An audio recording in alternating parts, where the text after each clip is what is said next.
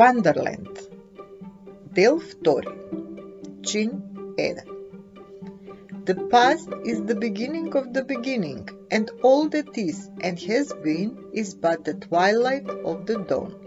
H. G. Wells Првим го забележав небото. Бев на отворено. Се најдов во средината на огромно поле со пожолтени житни стебленца. Погледнав околу себе. Не забележав никого. Сама сум. Знаете, постојано ги замислувам тие мали деца како играат некаква игра. Овде во ова големо поле со рж. И ујадници мали деца и никого нема наоколу. Никој возрасен, мислам, освен мене. И стојам јас на работ на една страва провалија. Што тука можам да сторам? Јас морам да ги фатам сите оние кои ако почнат да одат кон работ на таа провалија, мислам ако почнат да трчаат кон неа и онака не гледајки каде трчат, јас морам да излезам од таму каде што сум и да ги фатам. Тоа е се што правам по цел ден. Јас едноставно ќе бидам факјач. Факјач во ршта. И така тоа. Знам дека е лудо, но тоа е единственото нешто што на вистина би сакал да сум. Се вртам да видам од каде доаѓа тој глас. Зад мене забележувам еден млад и не многу висок лик, со црвена ловечка капа навлечена до очи преку неуредната фризура. Во устата со сабите држи цигара. Секоја наредна реченица ја изговара за нијанса повозбудено од предходната. Како и да е, Занесот изгледа нагло му се губи од гласот. Ја вади цигарата од уста, седнува на земја и со рацете ги опфаќа колениците. Погледот постојано му е вперен во далечина кон линијата на хоризонтот. Како и да е, велат дека животот е ништо друго до игра. Неочекувано вика сега со изменет лабо глас. Животот игра, момче, животот игра! Да, господине, знам, господине! Повторно силно вика овој пат без промена на бојата на гласот. Пото иронично се насмевна. Игра! Како па да не? Жими Задников. Седнувам до него на земја во истата поза. Тој продолжува да зборува без да ме погледне. Ако си на страната од која се сите мангупи, тогаш да, играј. Признавам дека е. Но ако се најдеш од другата страна, каде што нема јаки фраери, тогаш што играе тоа? Ништо. Нема игра. Далечината стогледувам елегантен помлад човек, облечен во бела кошула со завртени ракави до подлактите, без вратоврска. Стои мирно и гледа во правецот каде сме јас и момчето, но не прави обид да ни се приближи. Момчето го стогледува, се врти кон мене и ми се обраќа резигнирано. Ова постојано го прави.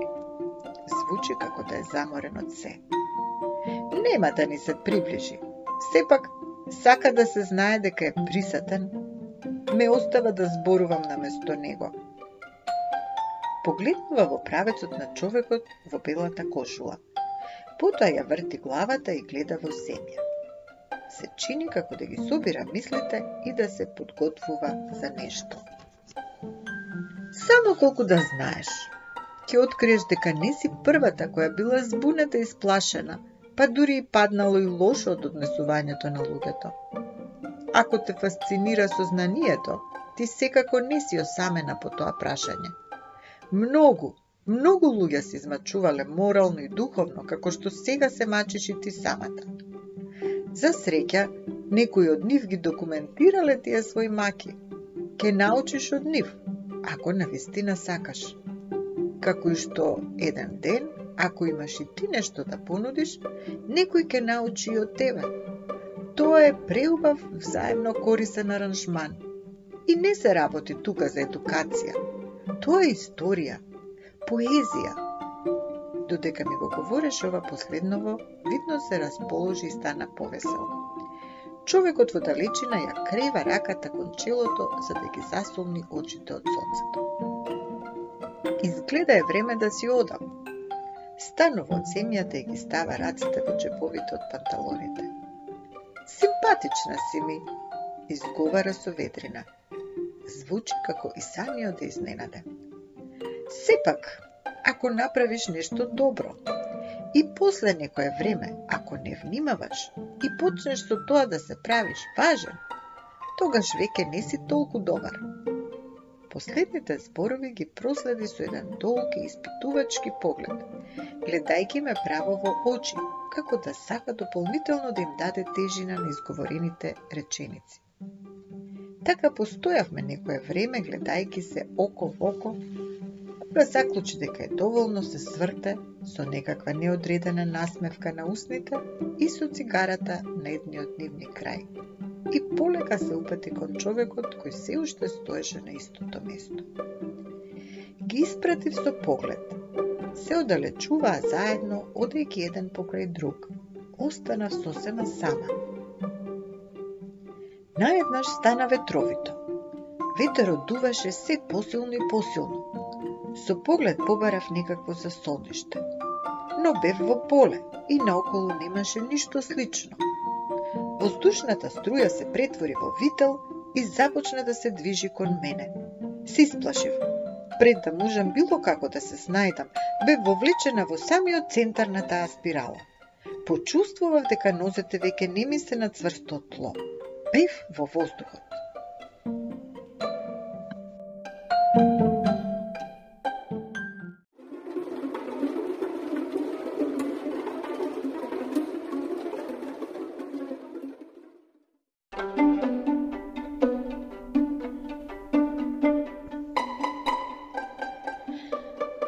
Вондерленд, дел 2. Чин 2. Изгубив чувство за простор и време. Се движев носена од сила поголема од мојата собствена. Не бев сигурна дали сум лево или десно, горе или долу, каде ми се рацете и нозете, а каде главата. После неодредено долго време поминато во една таква бестичнинска состојба, нурнав во нешто слично на мрежа и се запрев. Ми требаа неколку минути да се соземам и да проверам дали сум во ред. Се најдов во крошната на едно дрво. Не ми фалеше ништо. Воздивнав со леснување. Одевме покрај барајки некого и тогаш одеднаш веќе него баравме. Слекувајќи внимателно по гранките за да не паднам, погледнав надолу од каде што допираше ова милно гласче како на детенце. Во подножието до стеблото стоеа две необични фигури – прасенце и меченце. Двете гледа љубопитно нагоре во мене со очиња како копчиња. Слегов долу и по долго време повторно застанав на цврста земја. Малите суштества се врте околу мене, смејки се весело и разиграно. Опрнувај внимание на тоа каде си се упатила, бидејќи без да ти биде означение ке стигнеш во никаде – Исковарајки го ова повторно прсна во весела смеја и прканица, како да се шегуваат со мене. Нема всретнато толку ведри карактери од времето кога живее во собственото детство. Се наоѓавме во шума. Крајот беше питом.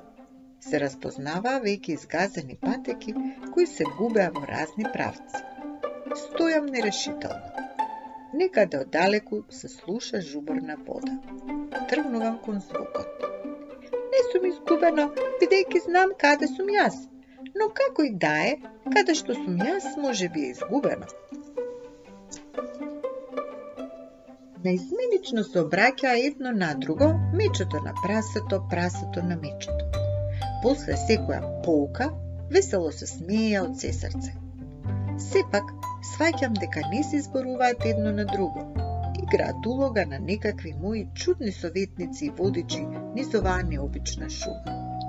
Понекогаш, ако застанеш на најдолниот прак на мостот и се наведнеш преко оградата гледајќи ја реката под тебе како истекува во далечината, ненадејно ќе дознаеш се што е да се знае. Продолжуваат да зборуваат во вид на гатанки. Застанувам и ги погледнувам ми досегаат одвај до колена. Малечки се, нежни. Не се смеат повеќе. Ме гледаат тажно како пред раздалба. Некои луѓе зборуваат со животни. Не многу мина ги слушаат сепак. Кликнувам до нив. Сега до некаде сме на иста висина. Ги земам нивните шепички во моите дланки. Понекогаш најмалото нешто зафаќа најголем простор во твоето срце, вели мечото. Некои луѓе чувствуваат премногу, чинам тоа се нарекува љубов, вели прасето. Длабоко воздивнуваат, се исправам нагоре. Поради нив се трудам да изгледам ведро. Кој ден е? прашува мечето. Денот е денес, одговара прасето. Ох, па тој е мојот омилен ден, воскликнува мечето.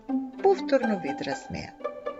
Продолжуваме да се движиме напред заедно во весело расположение. Стигнуваме до некоја река. Преку реката се протега мост. Мечето и прасето запираат. Се гледаме некое време. Чувствувам неразумна тага во душата. Усеќам, ова е местото до каде нашите патишта беа едно. Се разбира, ова не е вистинско довидување, затоа што шумата ќе биде за секогаш таму и секој оној кој е пријател со мечиња ќе може секогаш да ја најде. Се прашувам, може ли копченца да плачат со солзи? Нема да биде лесно, продолжува мечето тивко да говори. Зошто поезијата и подпевнувањето не се работи кои ги добиваш. Тоа се работи кои те добиваат тебе. И се што можеш да направиш е да одиш на местото каде што тие ќе можат да те најдат ја подава шепата кон прасето.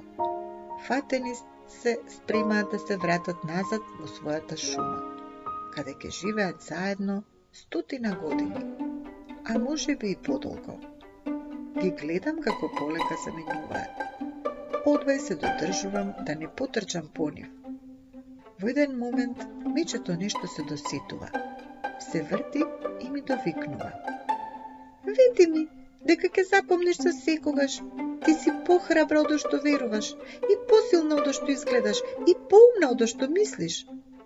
Се насмевнувам со љубов. Ми се миша тага и радост. Ја кревам раката те мавнам за поздрав. Но забележувам, веќе никаде ги нема.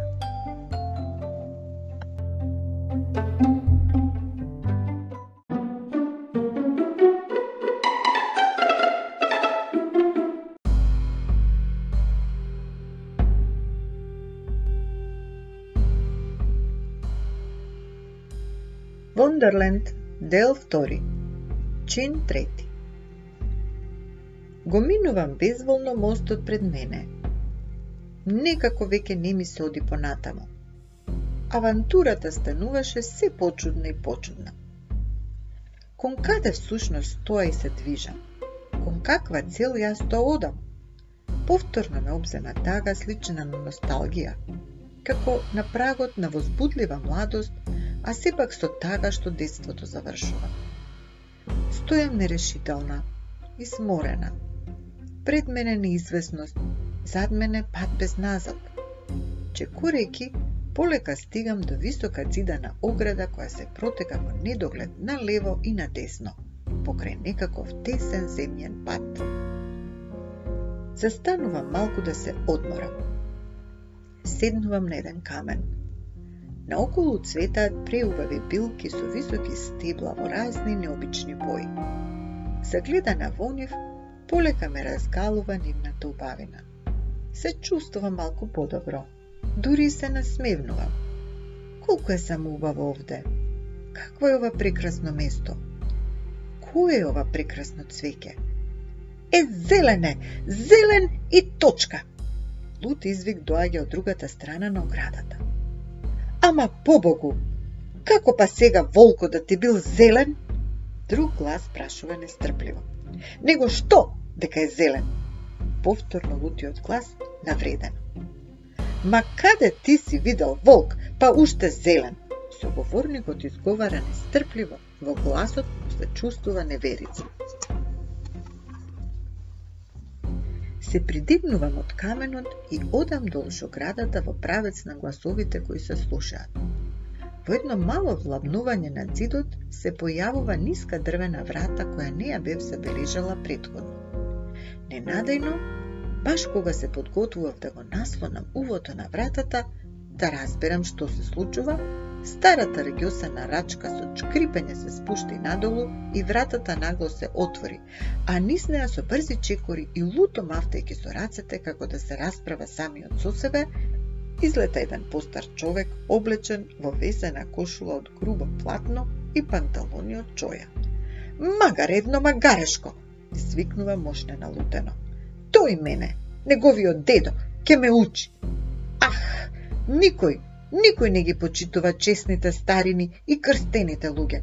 Светот е со глава на земја, а со нозе на небо превртен. Е, Бога му, баш па е! Така зборувајќи, пролета покрај мене, гревајќи облак прашина и луто продолжи да оди преку ливадата, мрморијќи си нешто на носот. Дедо, ама дедо, ме слушаш ли, ти, тврдоглав старецу, На вратата сега се појави уште еден човек со зацрвенети образи, благо тркалезно лице и светла скоро бела коса која му паѓаше преку челото.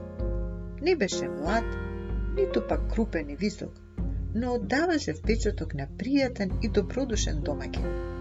Изненаден ме погледна прашално, па потоа ја подаде главата низ вратата и дзирна лево и десно да види дали некаде се гледа трага од наперченото старче, па воздивна.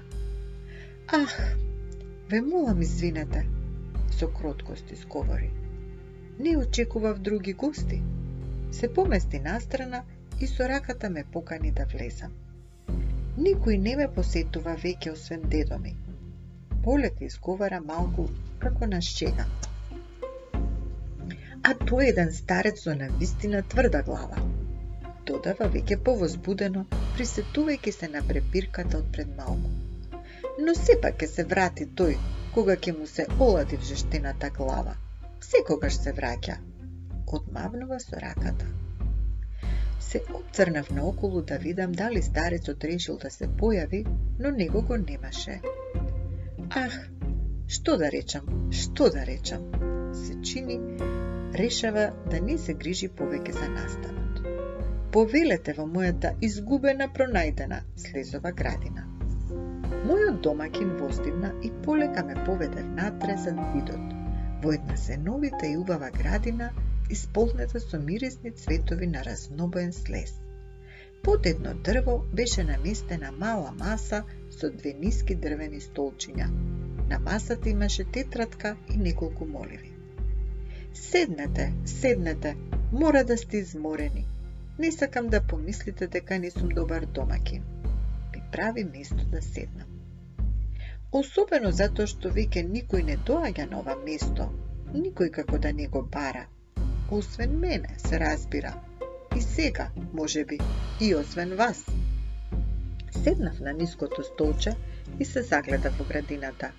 Мојот домакин седна до мене. Некое време молчавме. Јас не знам дали тој на вистина ме посетува, проговара замислено домакинот после подолга пауза. Или се е тоа плод на мојата фантазија? Се помисли малку, па како со колебање продолжи. Често така, кога отчукуваат глувите ноќни часови, мачни и осамени, и на душата и станува тешко, а силата опаѓа и човек стои сам пред стравоти и разни. Често се сеќавам тогаш на изгубените денови на детството. Воздивна со тага, чувствувам нешто ми се стига во грлото и тешко успевам да голтнам. Повторно долго молчиме. Јас се борам со грлото, не сакајќи да насети мојот домакин што чувствувам се чини тој како веќе да вложува и преголем напор да зборува и да изгледа ведар. Темни облаци почнуваа да се собираат на небото. Ни од каде не обзема чудно студенило. Се множат по светот црни коњаници и црни коњи. Продолжи да зборува, со поглед неподвижен, вперен во една точка на масата, никако одсатен. Се множат ноќни и дневни вампири. А јас само седам над напишаното и раскажувам. Раскажувам за една градина со бојана слез и за добрите старци и за несените момчиња. Воздивна ја издиша сета тага на овој свет. Јас поголтнувам. Одвај. Во очите ме печат солзи. Сакам да ги сокријам. Јас пишувам и се нуркам во чадот на војната, да најдам груби војници со срце меко како гулаб. Полека го враќа погледот повторно во сликата пред него. Ја врти главата кон мене и ми се обраќа со потполна доверба. Пред да ме одведат, запира за момент. Брзам. Брзам да ја раскажам златната бајка за луѓето. Незиното семе ми е посејано во срцето уште во детството. И тоа без престанок никнува, цвета и се обновува.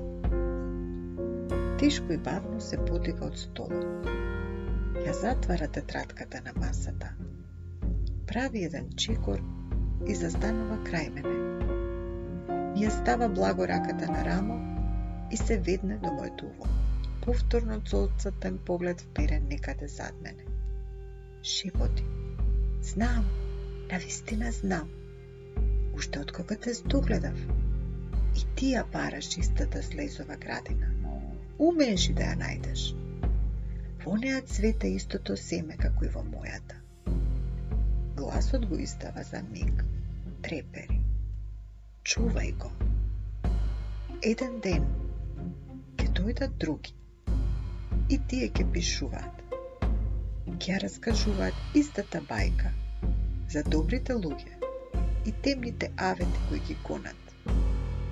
За луѓе со меко срце и тврда судбина. Срцето понекогаш не може да издржи. Аветите понекогаш ке не стасаат. Офанзивите некогаш Последните офансиви, оние без испукан куршу, тие се најтешките.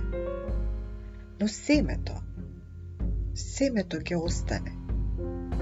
За секогаш ќе цвета. Одново и одново. Одвај слушам, шепоти се потивко и потивко.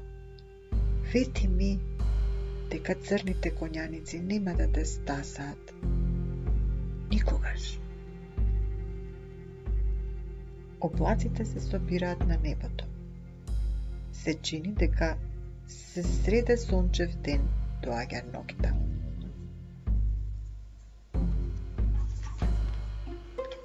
Ја прикривам неговата гланка со мојата и ја стегам цврсто. Грлото ми е собрано и не можам да изустам ниту спор. Чувствувам ми става нешто во рака. Сакам да го задржам, но тој се оттргнува и полека се упатува кон едно место во дното на градината. Се губи таму зад густите грмушки. Плаците над небото го следа. Темнината ни го напушта. Ја отварам дланката. Во неа има еден осушен слезов цвет со темно виолетова боја. pokusar na nessa